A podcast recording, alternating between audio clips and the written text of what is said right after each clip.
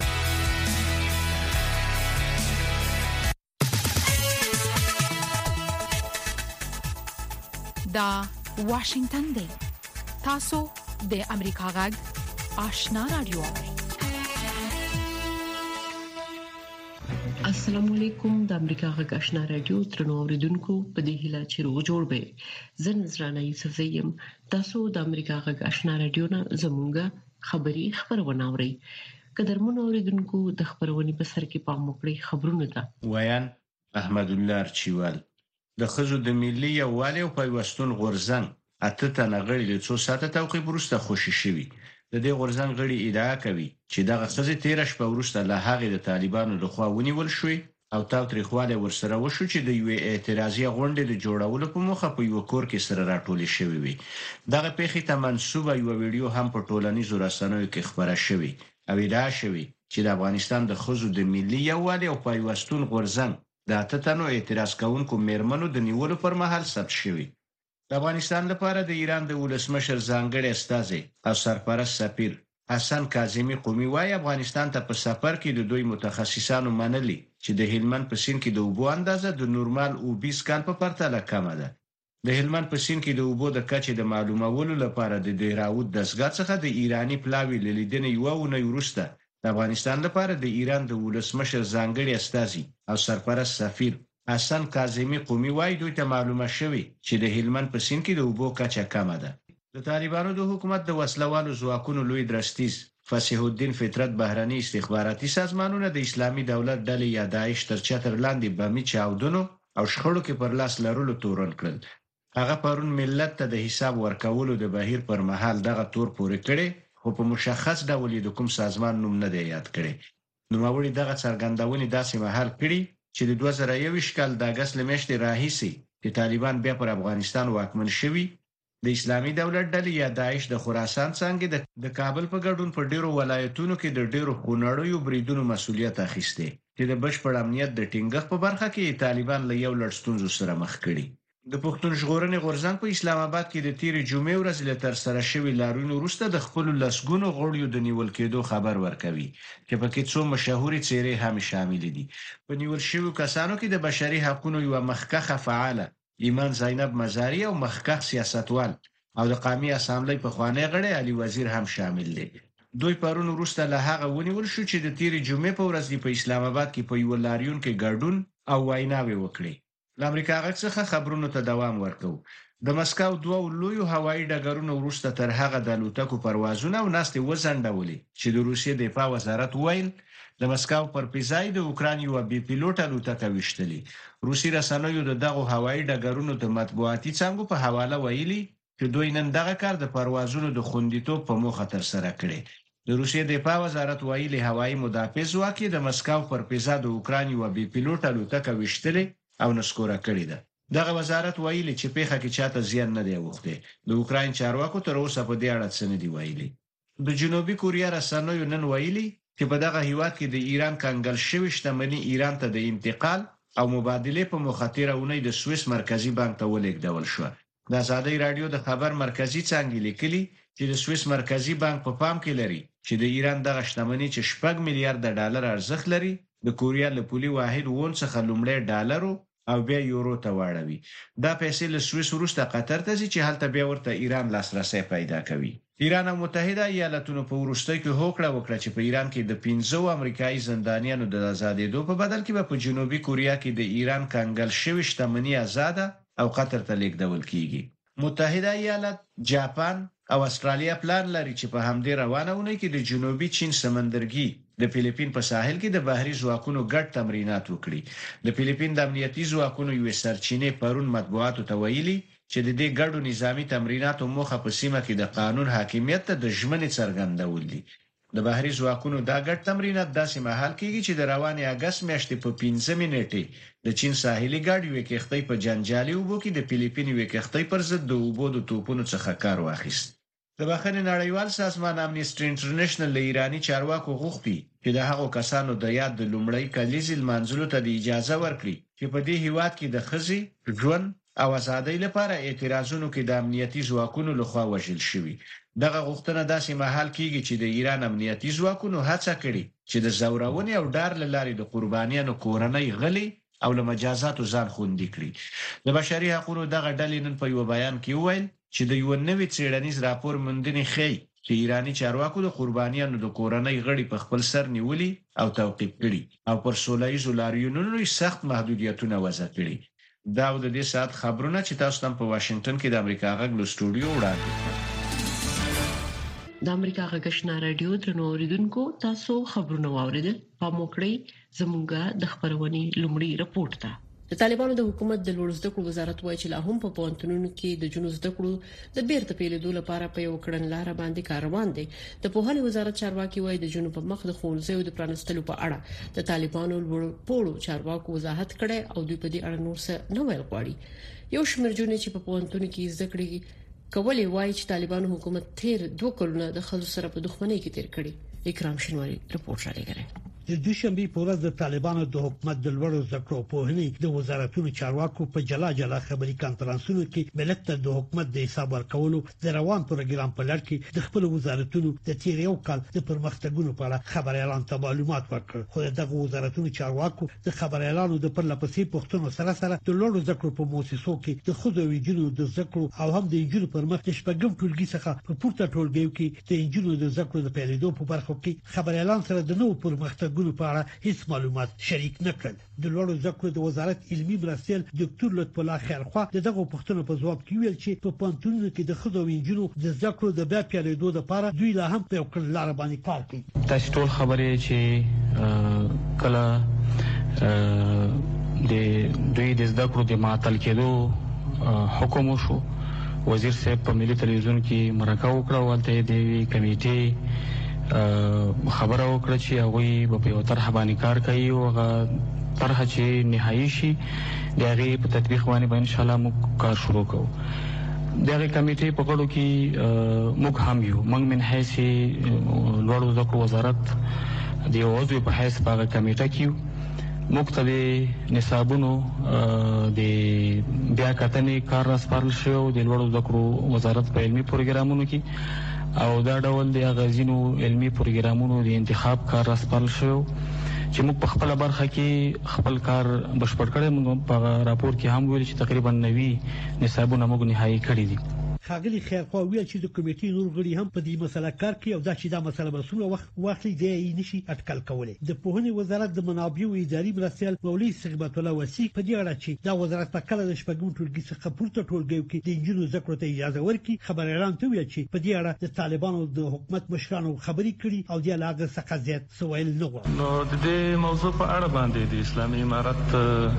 رهبري او د اسلامي امارت مختلفو وزارتونو او وزیر صاحبانو ویاندویانو هغوی په خپل بخت وضاحتونه ورکړي دي، زما په فکر هماغه به کفایت کوي. طالبانو حکومت د دوه زره دویشتم کال د ډسمبر په وروستۍ اونۍ کې په پوهنتونونو او د لوړو زده کړو په موسسو کې د ښځو او نجونو پر زده کړو بندیز ولګاوه. د دې پرېکړې وړاندې واک ته په دوه زره یوویشتم کال د اګست په میاشت کې د طالبانو د بیا رسېدو وروسته، طالبانو د شپږم ټولګي څخه په پورته ښوونځیو کې اصلاً د نجونو ښوونځي پراننه واخیستل او د اوس او لس ورځو څخه زیاته موده کیږي چې طالبانو حکومت د نجونو ښوونځي همداسې تړلي پریښي دي. د پوهنتون یوې زده کوونکې د خپل نوم د نه ښودو په شرط امریکا غږ ته وویل چې له کله چې طالبان افغانستان کې واک ته رسیدلي د دغې زده کوونکې د ادعا له مخې ښځو سره دښمني پیل کړې ده. وروڼه به کانکور ازموینه ورکوي او موږ به کورونو کې سرې سترګې له اوښکو ډکې انتظار او ناهیلې ناست یو.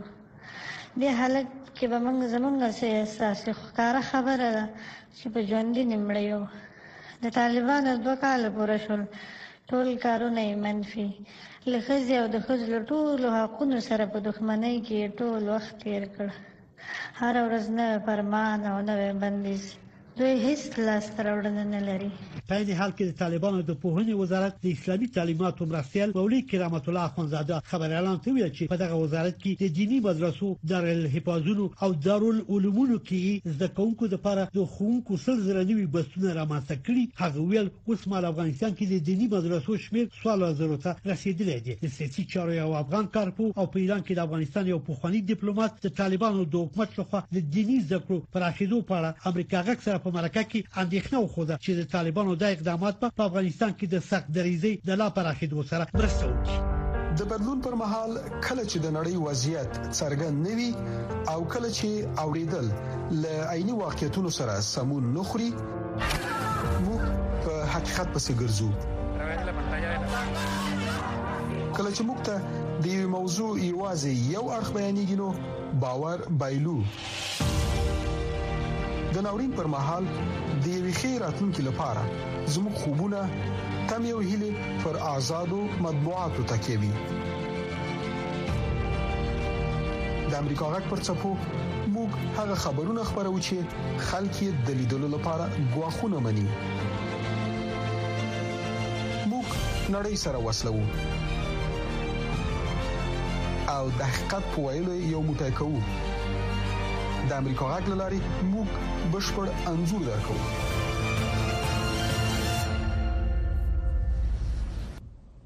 د معترضو مېرمنو یو غورځنګ وايي، اته غړي په کابل کې د طالبانو له خوا تر نیول کېدو څو ساعته وروسته بېرته خوشې شوي دي.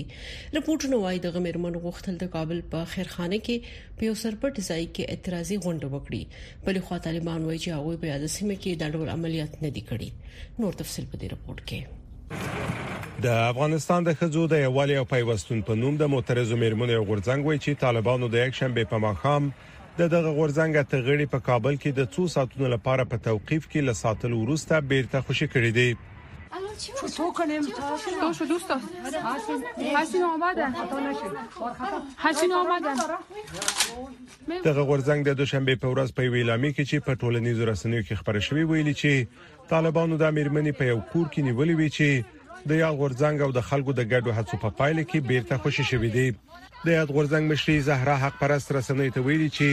دوی د خزو پر کار او زده کړو د بندیز پر خلاف د وی اعتراضي غونډې د جوړېدو په هدف په دغه کور کې راغونډې شوې وي خو طالبان وایي چې په دې وروستیو ورځو کې د کابل په خیرخانه کې داسې پیښه نه ده شوې طالبان ویلي چې هغوی د خپل عملیاتو په اړه رسنۍ ته معلومات ورکوي دا لومړی اعتراض نه دی تر دې مخکې هم بیلا بیلو میرمنو په افغانستان کې د خزو د کار په خاص ډول د انجونو تعلیم پر خلاف د طالبانو د محدودیتونو په وړاندې اعتراض کړی دی د چارو یو شمېر شنونکي وایي له نړۍ سره د طالبانو هر ډول تعامل باید بشري حقوقو ته د درناوي په شرط ولاړ وي طالبانو او د امریکای دولت او یا هم کچیرته نړیواله ټولنه له دوی سره خي اړیکې غواړي جوړ کړي نو اصلي شرط چې هغه د افغانستان د خلکو شرط ده او د نړیوال ټولنې هم په دې مسلې باندې تاکید کړی له سره تر اخره هغه په افغانستان کې د بشري حقوقو د مراعاتولو او په ټوله کې د اساسي قانون شتون طالبانو د واک له بیا ترلاسه کېدو وروسته نه یوازې لشپګم ټولګي پورته انجونې د خوندوي لټګه منې کړي بلکې په پوهنتونونو کې هم د میرمنو او انجونو د زده کړو مخه نیولې ده خو د طالبانو د لوړو زده کړو وزارت مرستيال لطف الله خیرخوا د دوشنبه په ورځ ملت ته د حساب ورکولو د غونډې پر مهال وویل چې یاد وزارت د میرمنو او انجونو پر مخ د پوهنتونونو د خلاصېدو په موخه په یو وړاندیز کار کوي دا د وخت په ارتباط چې څومره وخت به ونیسي سړی وخت نشي تخمین کولای ممکن ډیر زر وشي او ممکن کوم ورځ بیا هم واخلي خو په مجموع کې ټول نظام کوشش کوي چې دغه ستونزې ته یو د حل لار ولټي د طالبانو د لوړو زده کړو وزارت چارواکي وایي چې باندې 300 زره کسانو د افغانستان په هانتونونو ته لار پیدا کړې ده او د ښوونیزو بنسټونو لپاره د ښوونکو سل زره نوي بستونه رامنځته شوي دي واک ته د طالبانو له رسیدو وروسته د پوهنتونونو په زرګونو استادانو افغانستان پریخي او د نظر پښتنو لمخې د عصري علومو له برخې د خلکو پام اوختي چې لامل د طالبانو پالیسی ګڼل کیږي په ورته وخت کې د دینی مدرسو خواته د حکومتي امکاناتو د لیګ خبره هم کیږي سمي الله جلالزای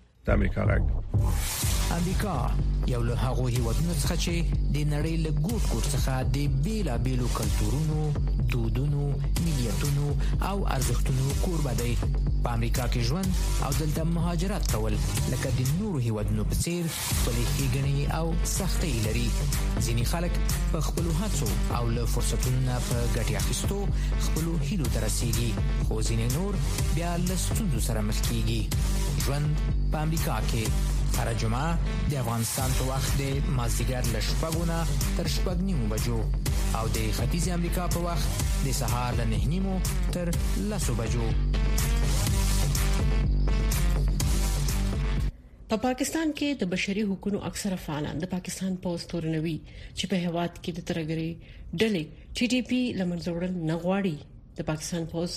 په تیر شلو کلونو کې د ټي ټي پی ضد په لسکونه عملیات کړې دي خو د ډله اوس هم په ملکانو بریدونه کوي هم د غډول د پاکستان پولیسو په پاوز د نیوکول کبل ځینې فعالان نیولې دي نور تفصيل په دې رپورت کې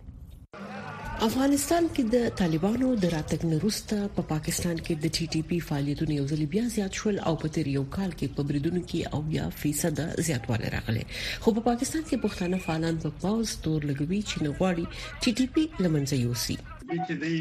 صادق نه دی دوی یعنی حقیقت دا دی چې افغانستان کې د 45 کال جنگونه چې شو دوی په هغه کې یعنی یو قسم ته د مقامی ټیکدار کار ادا کړی دی او اوس هم دا کسب کوي غني دا څنګه کې دي شول چې دومره غټ فوج دی چې مثلا د دوستان مقابله ته تیار دي نور سترو ملکونو سره جنګ تیار دی دلته کې بیا زرګونه خلک راننوځي ملک کې او افغانستان نم راشي دلته کې موجود دلته موجود دي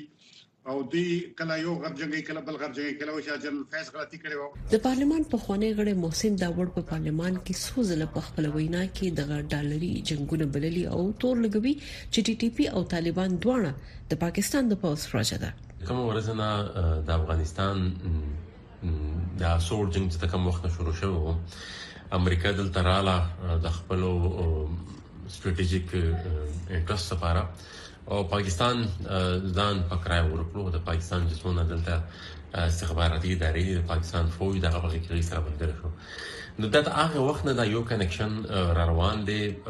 نوم بدلیږي شکل بدلیږي او په ندی تور هم هغه جنګ دی چې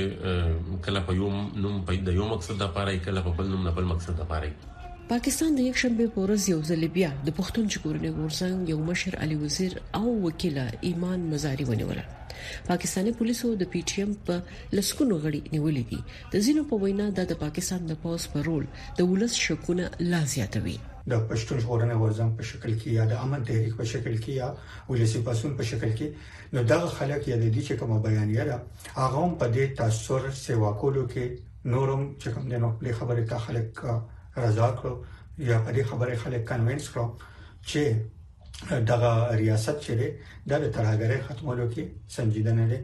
د 2023م کال په لومړی وو میاشتو کې په ټول پاکستان کې د وسلوالو په بریدونو کې د امنیتي ځواکونو په ګډون د څلور سو پنځوس تنه ډیر کسان وژل شوي دي د پاکستان پوځ یوازې سکهال د یو سل شلو نه د زیاتو افسرانو او سرتیرو د وژل کېدو په خله کړی دی د ځینو کارپوهانو په وینا په دغه بریدونو کې په زرګونو پوځیانو وژنه د تاییدوي چې پوز ټي ټي پی خپل دښمن ګڼي دا څومره اپریشنونه چې وشو هغه که د ټي ټي پي خلاف دي یا داعش خلاف دي یا د نور خلاف دي په هغه کې په زرګونو فوجین تقریبا 8000 نه 10000 سکیورټي اهلکار په دې کې شهیدان شوي دي نه علاوه تقریبا هغه 8000 عام خلک شهیدان شوي یو ملک په خپل نقصان په دغه لور باندې دومره په درنه سطح ولې کوي بیا ځینې نړیوال کارپوهان دا تور لګوي چې پاکستان د لوی ګټو لپاره د خپل خلکو قربانول لوی تاوان نه ګڼي. دوی خطرناکه لوبه کوي. د امریکا چارواکي، پوځي او استخباراتي چارواکي اکثره وايي چې کله دوی د پولې اېخوا ته ولاړ شي، نو پاکستاني طالبان شي. دا یوه خطرناکه لوبه ده چې د پاکستان دولت یې کوي او په دې لوبه کې دوی د خپلو سلګونو زرو ملکیانو قربانولو ته تیار دي. د پاکستان منپوړي چارواکي تور لګوي چې افغان طالبانو ټي ټي پي ته پناه او خوندي ځایونه ورکړي دي کوم چې طالبانو رد کړي خو په طالبانو یې غږ کړي چې په پاکستان کې جهاد حرام دی نظرانه یوسفزي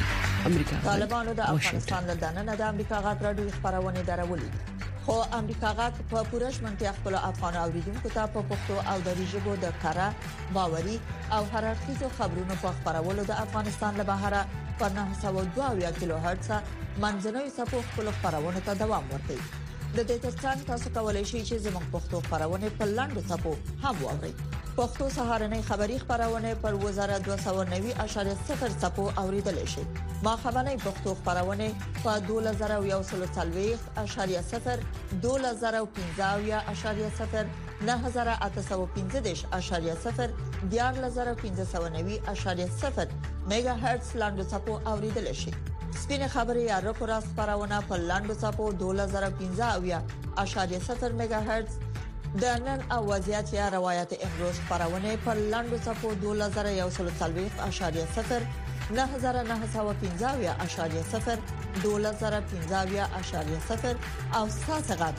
یا صداي شما خبرونه پر لاندو صفو 2015.0 9315 میگا هرتز اوریدل شي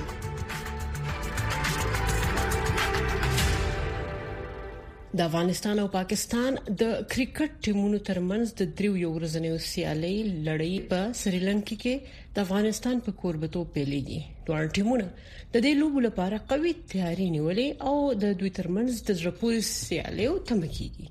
نور حال د متي الله بیت په دې رپورت کې دا لومړی ځل دی چې د افغانستان او پاکستان د کرکټ ټیمونه په دریو پرله پسې یو ورځنۍ سیالیو کې د یو بل سره مخامخ کیږي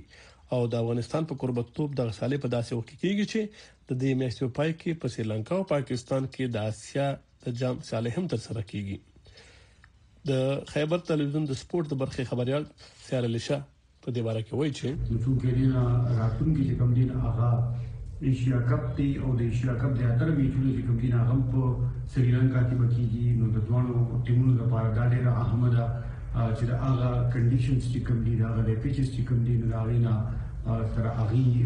خبر شي چې یا باغې باندې لوبو کې نو ډېر وخت ورته ملو شي د افغانستان او پاکستان ترمنځ کېدونکو دغه سیالي لپاره د دوه هوادونو ټیمونو خپل پیاوړي لوبغاړي لنکړي دي او د مهمو سیالیو لپاره په سریلانکا کې په تمریناتو بوخت دي. د کرکټ شنونکی احمد فرهاد فدایي وایي، نو په مجموع کې د دواړو ټیمونو په پرتله همداسې داسې دواړه ډېر متوازن لوب لوبډلې ټاکلې دي دواړو ډېر متوازن لوبډلې ټاکلې دي او هیله به دای سي ډېر ښه لوبي وسی او توقع مو دای سي افغانستان دا سیریز وګټي لوبي وګټي سخت به د افغانستان لپاره اسانه بنئ خو هرچا د دواړو لوبډلو ترمنځ که پريشر په ښه شکل باندې هندل کړ نو په هغه ورځ باندې به هغه ټیم بریالی وي د افغانستان توپ اچونه په نړۍ کې خپل نوم لري خو په توپ وهنه کې د یو لړ ستونزو سره د مخ کېدو اندېښنه هم لیدل کیږي د افغانستان د کرکټ د ملي ټیم پخوانی لوبغاړی هستی ګلابت خپل اندېښنه داسې څرګندوي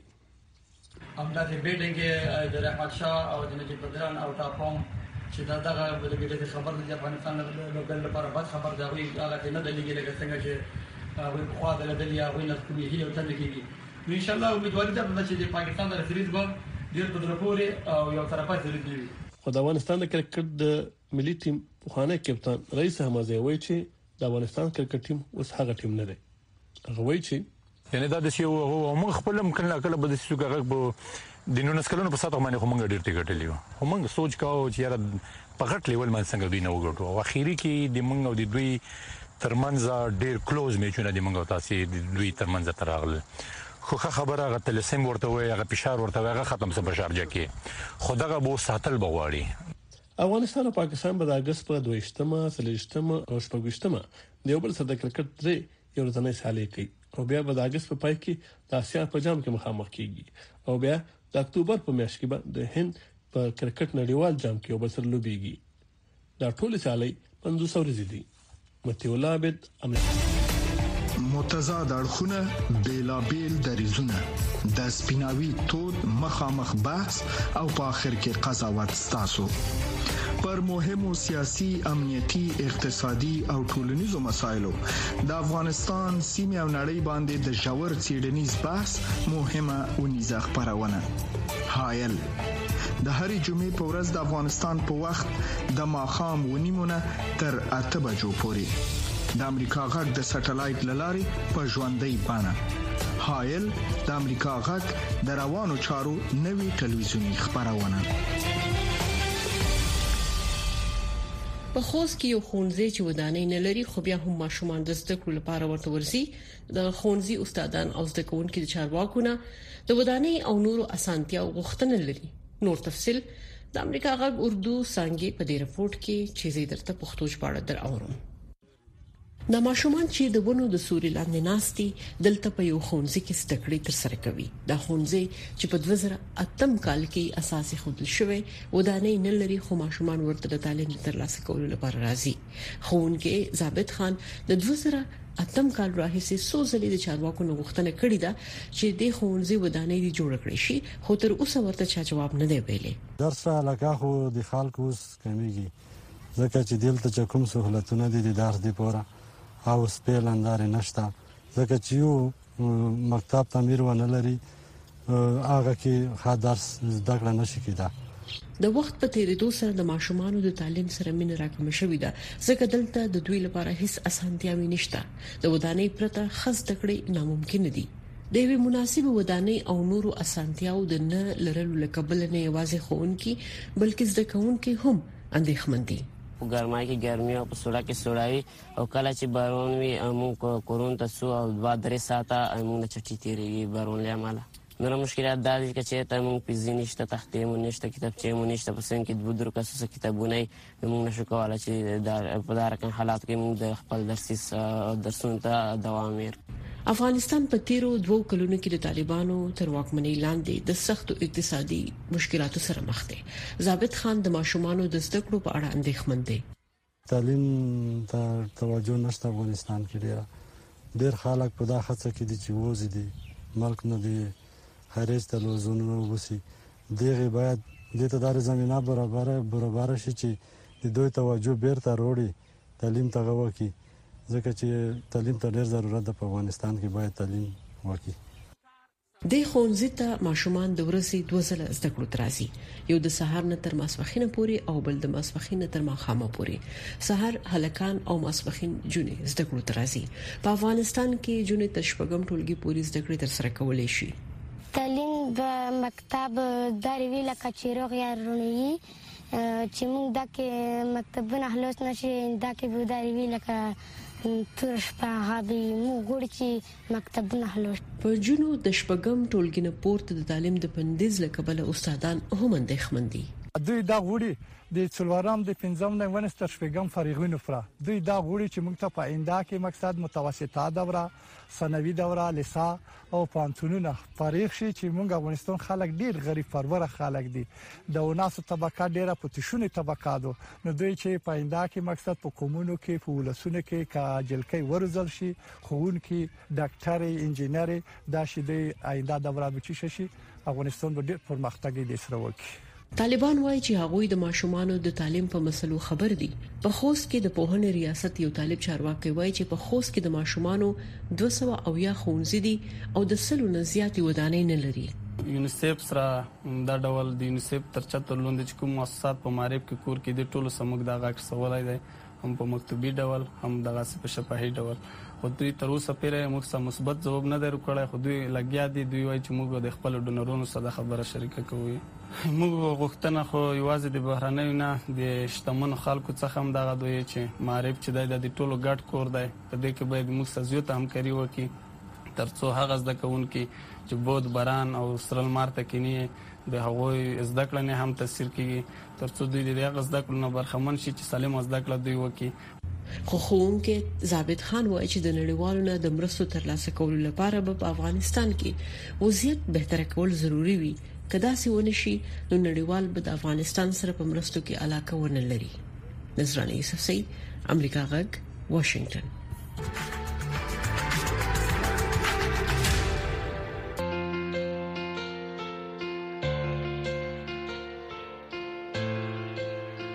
قدرمن اوریدونکو تاسو د امریکا غږ آشنا رادیو نه زموږه خبری خبرونه واوریده موږ تاسو نه په دې هیله اجازه غواړو چې خبرونه به اوریدلې وي د خوده په امان